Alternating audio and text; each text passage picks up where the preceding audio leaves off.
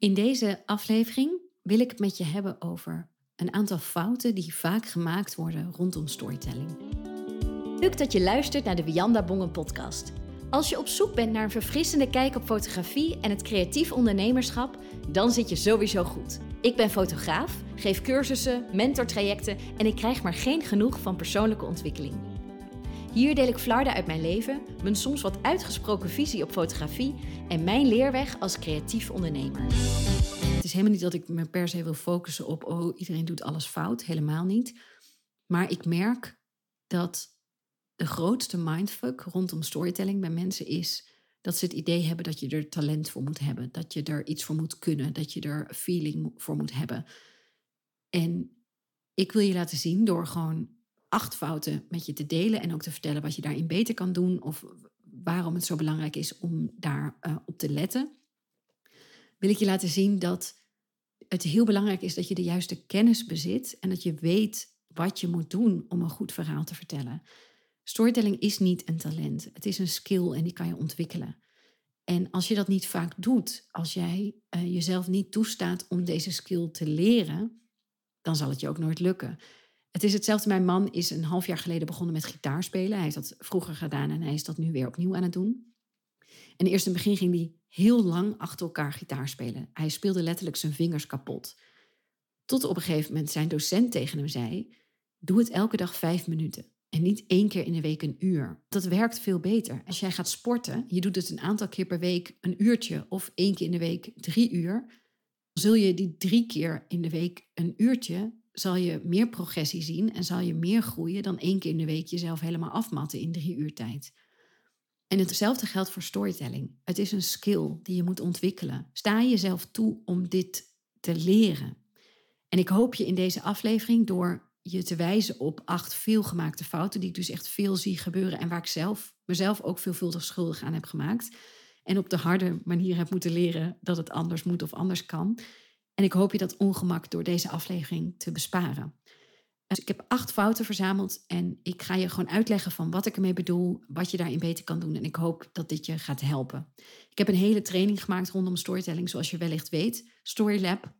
Dus als je dit interessant vindt en als je denkt, oké, dit was al waardevol, mag ik meer of is er meer? Dan is er een volledige training met ruim 30 hoofdstukken, zes modules, die bomvol staan met kennis, met waarden, oefeningen, opdrachten om je echt te helpen aan het trainen en ontwikkelen van die storytelling spier, die skill. En ehm, mocht je dat interessant vinden, dan ben je daar natuurlijk zeker welkom. Je vindt alle informatie via wiandabongen.com slash storylab. En het is een online training en ik denk dat die, ehm, je, als je dit interessant vindt, gaat die heel waardevol voor je zijn. Goed, laten we beginnen met de eerste veelgemaakte fout. Dat noem ik het ijsbergmoment ontbreekt. Het is een van de meest voorkomende fouten binnen storytelling. Of beter gezegd, het meest ontbrekende uh, moment binnen storytelling. Wat is nou het ijsbergmoment? Nou, jullie kennen allemaal vast de film The Titanic wel. En als de Titanic gewoon van Engeland naar New York was gegaan, zonder obstakels, zonder gedoe, dan hadden wij nooit van deze boot gehoord. Want het was gewoon een heel groot schip, niet meer en niet minder.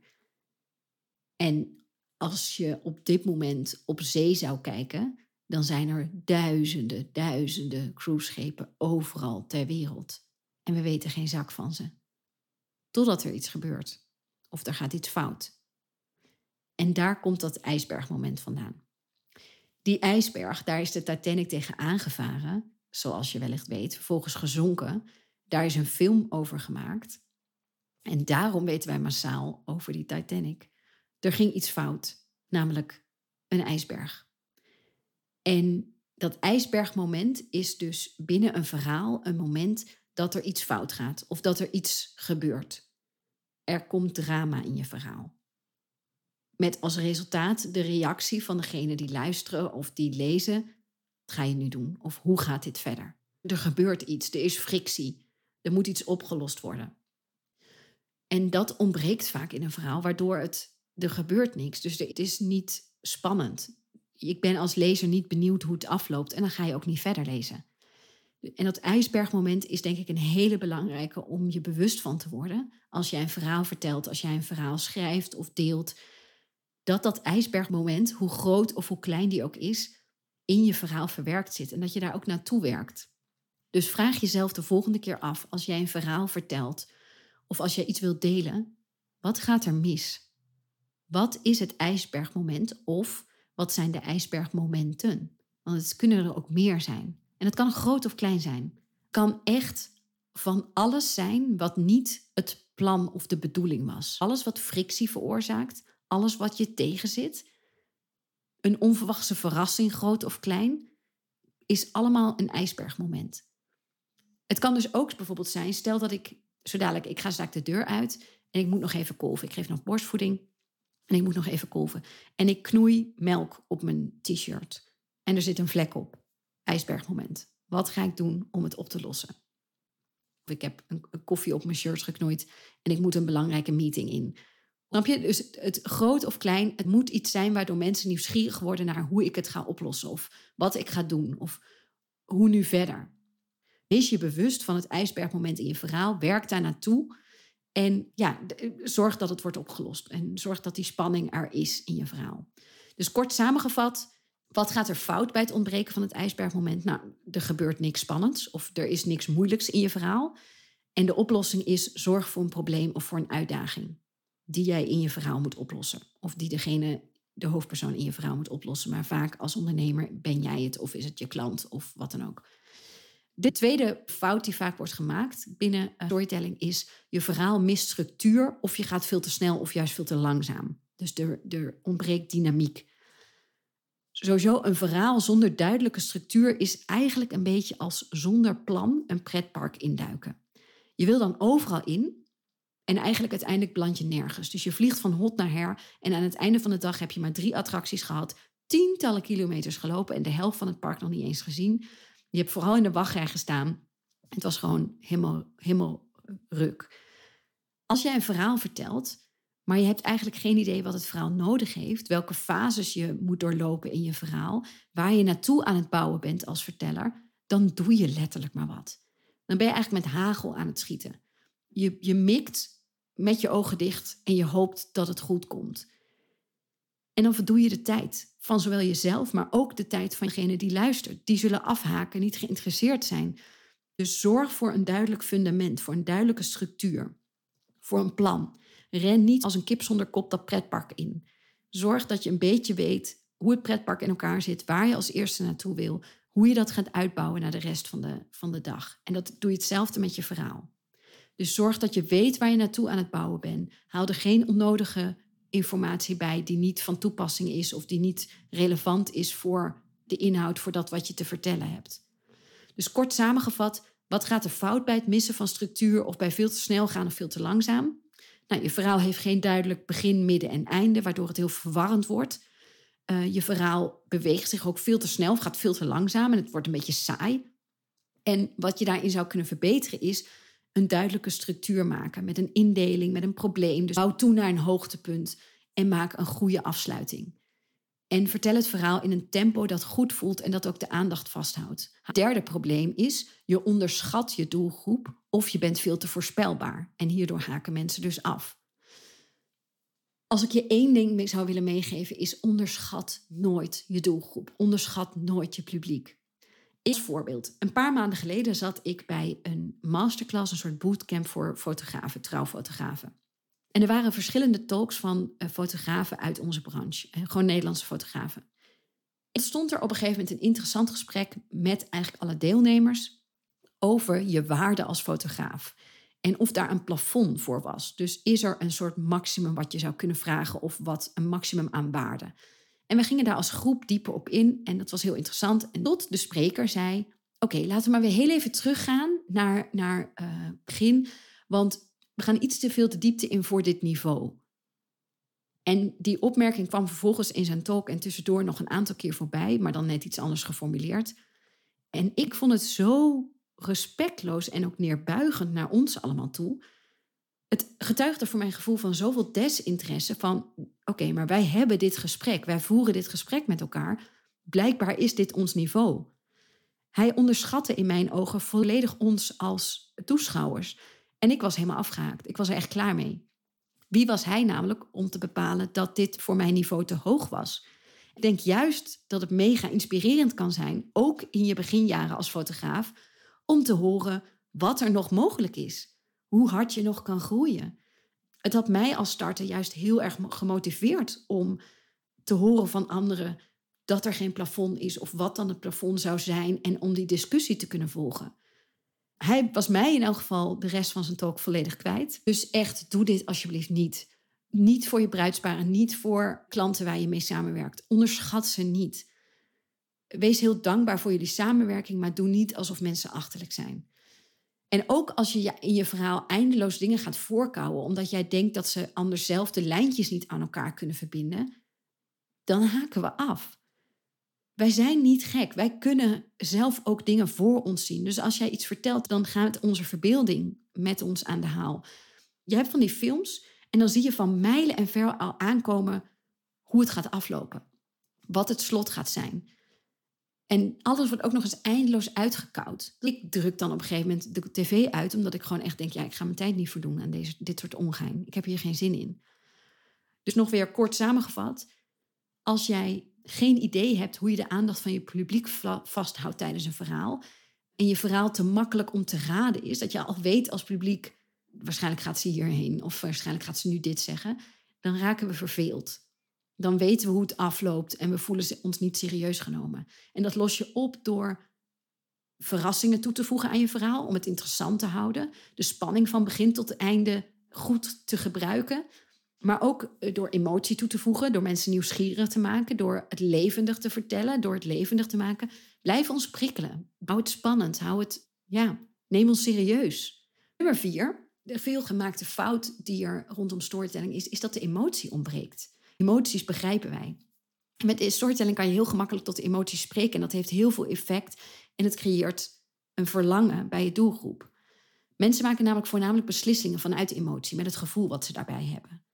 En zodra jij meer tot dat verlangen of tot die transformatie gaat spreken en echt dat laagje dieper durft te gaan dan alleen, nou jongens, dit gaan we doen. Dus bijvoorbeeld je gaat meer van dit gaat het je opleveren, zo ga jij je voelen, zo gaat je leven eruit zien, dit gaat jij vanaf nu ervaren dan gaat het echt leven. Dan krijgen mensen er een beeld bij. Dan creëert het een verlangen of een gemis. En dan denken ze, oh, dat wil ik ook. En dan word je onthouden. Een sterk merk is in mijn ogen een combinatie van feiten, dus wie, wat, wanneer, en van emoties, waarom. En als jij zorgt dat die combinatie klopt binnen jouw merk, dan laat die combinatie mensen zien waar jouw merk voor staat en waarom het voor hen interessant kan zijn om met jou samen te werken. Als jij die emoties niet weet aan te spreken, dan voelen mensen zich niet betrokken bij je verhaal, omdat het hen niet raakt, omdat het niet binnenkomt. Kunnen zich niet inleven in je verhaal. Als jij mensen meeneemt in de emoties waar jij zelf doorheen bent gegaan en ze ook actief benoemt, dan kunnen mensen die emoties oproepen bij zichzelf. Of dan wordt dat automatisch opgeroepen zelfs. Dus dan voelen mensen zich verbonden. Ik denk dat storytelling daar de allerbeste manier voor is. Maar als je dat niet weet, dat, dat emoties die kracht hebben. En als je dat dus niet toepast, dan wordt het een heel plat verhaal. En dan is het uiteindelijk niet per se storytelling, maar dan is het meer een uitwisseling van informatie. Dus jij deelt informatie met je publiek, maar doordat jij niet dat laagje dieper gaat en op emotioneel niveau met ze gaat communiceren, dan bereik je dat verlangen niet. Dan spreek je niet tot de emotie. Dus probeer die emoties op te roepen bij je lezer of bij je luisteraar. Ik denk dat dat een hele belangrijke is. Gaan we naar de volgende, de vijfde. En dat is de overdosis aan informatie, feitelijke opsommingen, überhaupt feiten of overbodige details. Kijk, feitelijkheden lezen wij de hele dag door. En dan ga je weer verder met je leven. Maar op het moment dat mensen voelen: oh, dit doet wat met me, of dit wil ik ook, dus dat verlangen weet je te triggeren, of oh, dit heb ik echt nodig, dan blijft het in hun hoofd zitten. En dan creëer je automatisch dat verlangen of die interesse. En dan wordt het veel makkelijker voor mensen om die laatste stap te zetten om met je te gaan samenwerken. Want dan voelen ze aan alles, ja, dit is wat ik moet doen, dit is wat ik nodig heb en zij kan mij hierbij helpen. Als jij zorgt dat je hier vanuit storytelling gaat spreken, dus die overdosis informatie, laat dat lekker zitten. Die feiten, die opsommingen, overbodige details, laat het allemaal zitten. Maar spreek tot die emotie, tot dat verlangen of die interesse. dan ben je continu zaadjes aan het planten. Een soort vergeet mij nietjes aan het planten. Een soort hofje aan het creëren van allemaal vergeet mij nietjes bij andere mensen. Zodat jij steeds een beetje bij ze blijft sluimeren. Dus hoe voorkom je deze fout? Verkoop niet je dienst, maar verkoop een identiteit. En het verkopen van een identiteit doe je heel sterk met storytelling. Dus als je bijvoorbeeld het merk Nike hebt, dan krijg je een heel ander gevoel bij dan als je denkt aan New Balance of aan Adidas. Wat je ziet in het geval van bijvoorbeeld Nike, in, maar ook andere grote merken als Patagonië en Apple, is dat ze communiceren vanuit hun waarom, vanuit hun why. Ze communiceren maar heel weinig over de kwaliteit of over de functies van de producten die ze verkopen. Dus Nike heeft het niet over, oh deze schoenen hebben een hele goede demping en de stiksels zo gemaakt dat ze je niet irriteren tijdens het hardlopen van een marathon. Ze communiceren veel meer vanuit het creëren van een cultuur, van een movement, vanuit een groep waar je graag bij wil horen. Zij laten de transformatie zien die je kan maken aan de hand van hun producten. Probeer een balans te vinden tussen belangrijke informatie en boeiende verhalende elementen om de aandacht vast te houden. Communiceer meer vanuit jouw waarom, vanuit waarom jij doet wat je doet, dan uit je moet mij als fotograaf inhuren, want dan krijg je zoveel foto's. Of bij mij moet je zij voor een rebranding, want je krijgt bij mij een logo en nog een sublogo. Dat is niet interessant. Dat zijn de producten en de diensten die je aanbiedt. Probeer te communiceren vanuit waarom jij dat zo doet. Waarom jij doet wat je doet en wat daar in jouw kracht is. Nummer zes, dus je vergeet de koppeling te maken naar je doelgroep of je mist de vervolgstappen. Verlangen is de motor van alle verhalen. Daar waar wij naar verlangen, waar wij van dromen, dat zet ons in beweging. We willen gelukkig zijn, we willen erkenning krijgen, we willen liefde vinden. Wij als storytellers moeten dat verlangen blijven aanspreken bij ons publiek. Dus niet gewoon een verhaal vertellen en het dan loslaten en zeggen: Nou, jongens, zoek het uit. Koppel het terug, want anders wordt het een soort one-man show waarin je alleen maar verhalen over jezelf deelt. Waarvan wij op een gegeven moment als publiek ook denken: Ja, valt hier voor mij te halen. Dus om dat te verbeteren, moet je eigenlijk actief gaan nadenken over wie jouw doelgroep is en ervoor zorgen dat het bij hen iets teweeg brengt, een verlangen triggert of een verandering teweeg brengt. Dus probeer je verhaal meer te richten op je publiek en op de emotionele band die je met hen aan het creëren bent. En vergeet niet welke les wil jij mee wil, mee wil geven of welk punt jij wil maken. Ik denk dat die heel belangrijk zijn. Dan komen we bij de zevende fout die vaak gemaakt wordt, is dat je verhaal geen haakje heeft naar je merk of naar je aanbod. Kijk, iedereen kan verhalen vertellen, wat ik net ook al zei. Maar als ondernemer wil je niet zomaar leuke verhalen vertellen. Je wil iets vertellen of iets delen met een doel. Dus bijvoorbeeld mijn podcastaflevering over mijn bevalling. Aflevering 14, ik beval zoals ik onderneem. Ik wilde dat verhaal niet delen omdat het gewoon een leuk bevallingsverhaal is. En tuurlijk kan dat waardevol zijn, maar ik wilde ook dat jij als ondernemer, ook al heb jij geen ambities om ooit te gaan bevallen of voorlopig nog niet te bevallen, dat je er dan ook wat aan zou hebben of ook wat van zou kunnen leren of uit mee zou kunnen nemen. En door alleen mijn bevalling te vertellen, hoe dat afgelopen was of hoe mijn bevalling is verlopen, zou dat niet gebeuren? Was dat niet interessant? En ik wilde nu aan de hand van mijn eerste bevalling en mijn zwangerschap de luisteraar, dus jou, iets meegeven over hoe ik binnen de gegeven kaders leef en onderneem op mijn voorwaarden. Ik hoopte je daarmee te inspireren om altijd je eigen koers te vagen en te vertrouwen op je intuïtie en niet zomaar jezelf uit het veld te laten slaan als jouw eerste route naar jouw gewenste eindresultaat niet loopt zoals je had bedacht. Ik wilde je meegeven dat er meer wegen zijn die naar Rome leiden. Dus ik maak heel concreet dat haakje en de connectie met het ondernemerschap. Een verhaal te vertellen waarin ik bepaalde obstakels heb overwonnen en hoe ik als ondernemer, hoe ik dat als ondernemer doe en waarom ik dat belangrijk vind, hoop ik je oprecht iets mee te geven, je te inspireren en dat haakje dus te maken naar mij als ondernemer. En ik hoop dat dat je dan inspireert. En ik denk dat dat echt een belangrijke schakel is dus je geeft als het ware je verhaal terug aan je publiek. Als jij niet helder maakt hoe jouw verhaal verband houdt met je merk of met dat wat jij te bieden hebt als ondernemer, eh, dan mis je gewoon commercieel een kans. Dus als je op een slimme manier jouw merkwaarde en je aanbod in je verhaal integreert en zorgt dat het relevant wordt voor je doelgroep om daarnaar te luisteren en om lessen uit te leren, dan heb je goud in handen. En dan komen we alweer bij de laatste aan, laatste fout die vaak gemaakt wordt, Ik heb hier een hele podcast over opgenomen, namelijk uh, onduidelijkheid of te veel wolligheid. En dat is de aflevering Leave Wolligheid Behind. Als ik met iemand wil samenwerken, als ik iemand inspirerend vind, dan komt dat omdat ik heel helder en concreet weet wat diegene mij te bieden heeft en hoe diegene werkt. En dat begint bij de communicatie online. Wat zegt diegene? Welke woorden worden er gebruikt? Is het grijpbaar? Is het praktisch? Is het tastbaar? Gaat het bij mijn leven? Gebruik je mijn woorden? Dus jij als degene die ik zou willen inhuren, spreek jij mij aan in mijn taal? Snap ik wat jij zegt? Want als ik dat online al niet snap, hoe zou ik dat in real life dan hebben? En hier gaat het in mijn ogen echt heel vaak mis. Er wordt met heel veel woorden eigenlijk maar heel weinig concreet gezegd.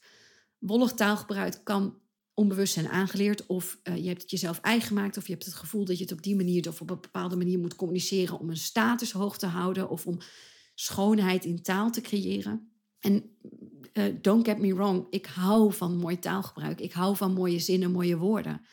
Maar zorg wel dat de boodschap over blijft komen. Want dat is uiteindelijk waarom je communiceert online. Jij wil mensen iets vertellen. Jij wil een verlangen aanspreken. Jij wil uh, mensen triggeren of motiveren om met jou te gaan samenwerken. Maar als mensen niet snappen wat je zegt, gaat dat nooit lukken.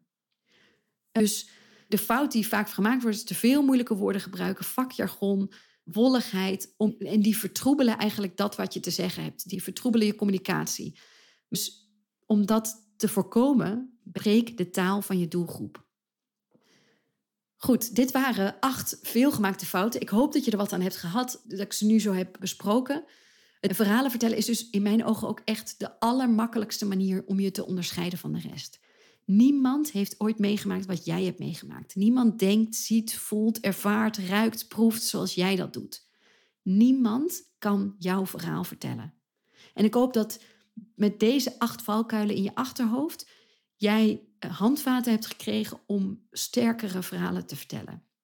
En krijg je hier dus geen genoeg van? Heb je hier nog stappen in te zetten? Dan is Storylab vanaf nu te koop. Mijn online training over storytelling binnen het ondernemerschap. En deze training bestaat uit 30 hoofdstukken verdeeld over zes modules.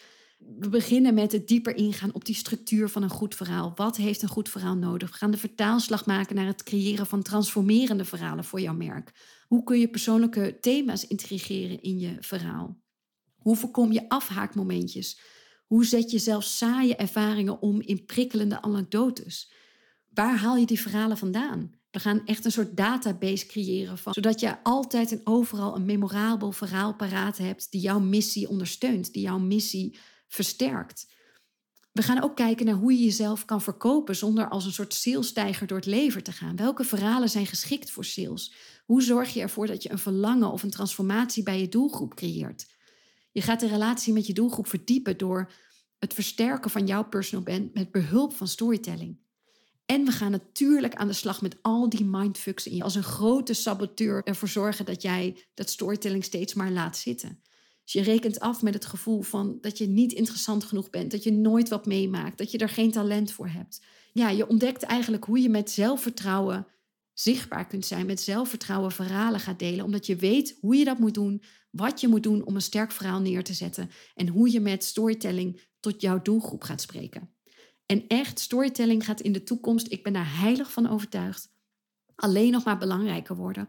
Omdat zeker nu met AI, met al die technologie die alleen nog maar meer en groter zal worden, gaan de persoonlijke verhalen het verschil maken. Dat zijn namelijk uh, de verhalen die nooit overgenomen kunnen worden door AI. Niemand heeft meegemaakt wat jij hebt meegemaakt. Jouw eigen tone of voice, jouw stemgeluid, jouw verhalen, worden goud komende jaren. Omdat dat de dingen zijn waarmee jij nog kan onderscheiden van de rest. Kennis wordt alleen nog maar toegankelijker door ChatGPT, door ja, de technologie en hoe snel die zich aan het ontwikkelen is. Storytelling wordt een skill waar je niet meer zonder kan. Daar ben ik echt van overtuigd. Dus als jij dat verlangen ook voelt, als jij denkt: oké, ik heb hier echt nog wat te leren en ik, dit zou ik heel tof vinden, om ook gewoon, want los van het feit dat het natuurlijk gewoon super praktisch is als ondernemer om dit onder de knie te hebben. En om een goede storyteller te zijn. Is het ook in je dagelijks leven zo'n verrijking om gewoon mooie verhalen te kunnen vertellen. Om een goede storyteller te zijn. Dat mensen het leuk vinden om naar je te luisteren. Dat is echt, het is een verrijking binnen alle lagen van je leven. Dat wil ik je maar zeggen. Dus als je dat verlangen voelt, als jij zin hebt om hiermee aan de slag te gaan, Voel je welkom bij Storylab. Uh, tickets zijn te koop via wiandabongen.com slash storylab. Ik zal hem via de show notes ook even een linkje plaatsen. Daar vind je alle informatie. Kom erbij. Voel je welkom. Ik denk dat het tof zou zijn dat er meer ondernemers opstaan en de storyteller in zichzelf gaan wakker schudden. Dat is nou van mijn missie en ik hoop je in elk geval met deze aflevering al geïnspireerd te hebben. Dat zou ik heel fijn vinden. En als je dus dat verlangen voelt, uh, voel je welkom om bij Storylab aan te sluiten. Dan was dit het voor deze keer. Ik hoop dat je hier wat aan gehad hebt. Als je vragen hebt, als je uh, geïnspireerd bent, vind ik dat onwijs leuk om te horen. Deel het zeker via Instagram. Stuur me een DM. En als je uh, me tagt in een story of als je deze podcast aan het luisteren bent, ik zou het heel leuk vinden om mijn podcast Olievlek weer verder uit te breiden komend jaar. Dus deel het zeker, dat, dat waardeer ik enorm. Als je geïnspireerd bent, vind ik het heel leuk om te horen. Laat het me zeker weten via Instagram. En dan was dit hem voor nu. Ik dank je wel voor je tijd, voor je aandacht. En ik uh, hoor je de volgende keer weer. Doeg, fijne dag.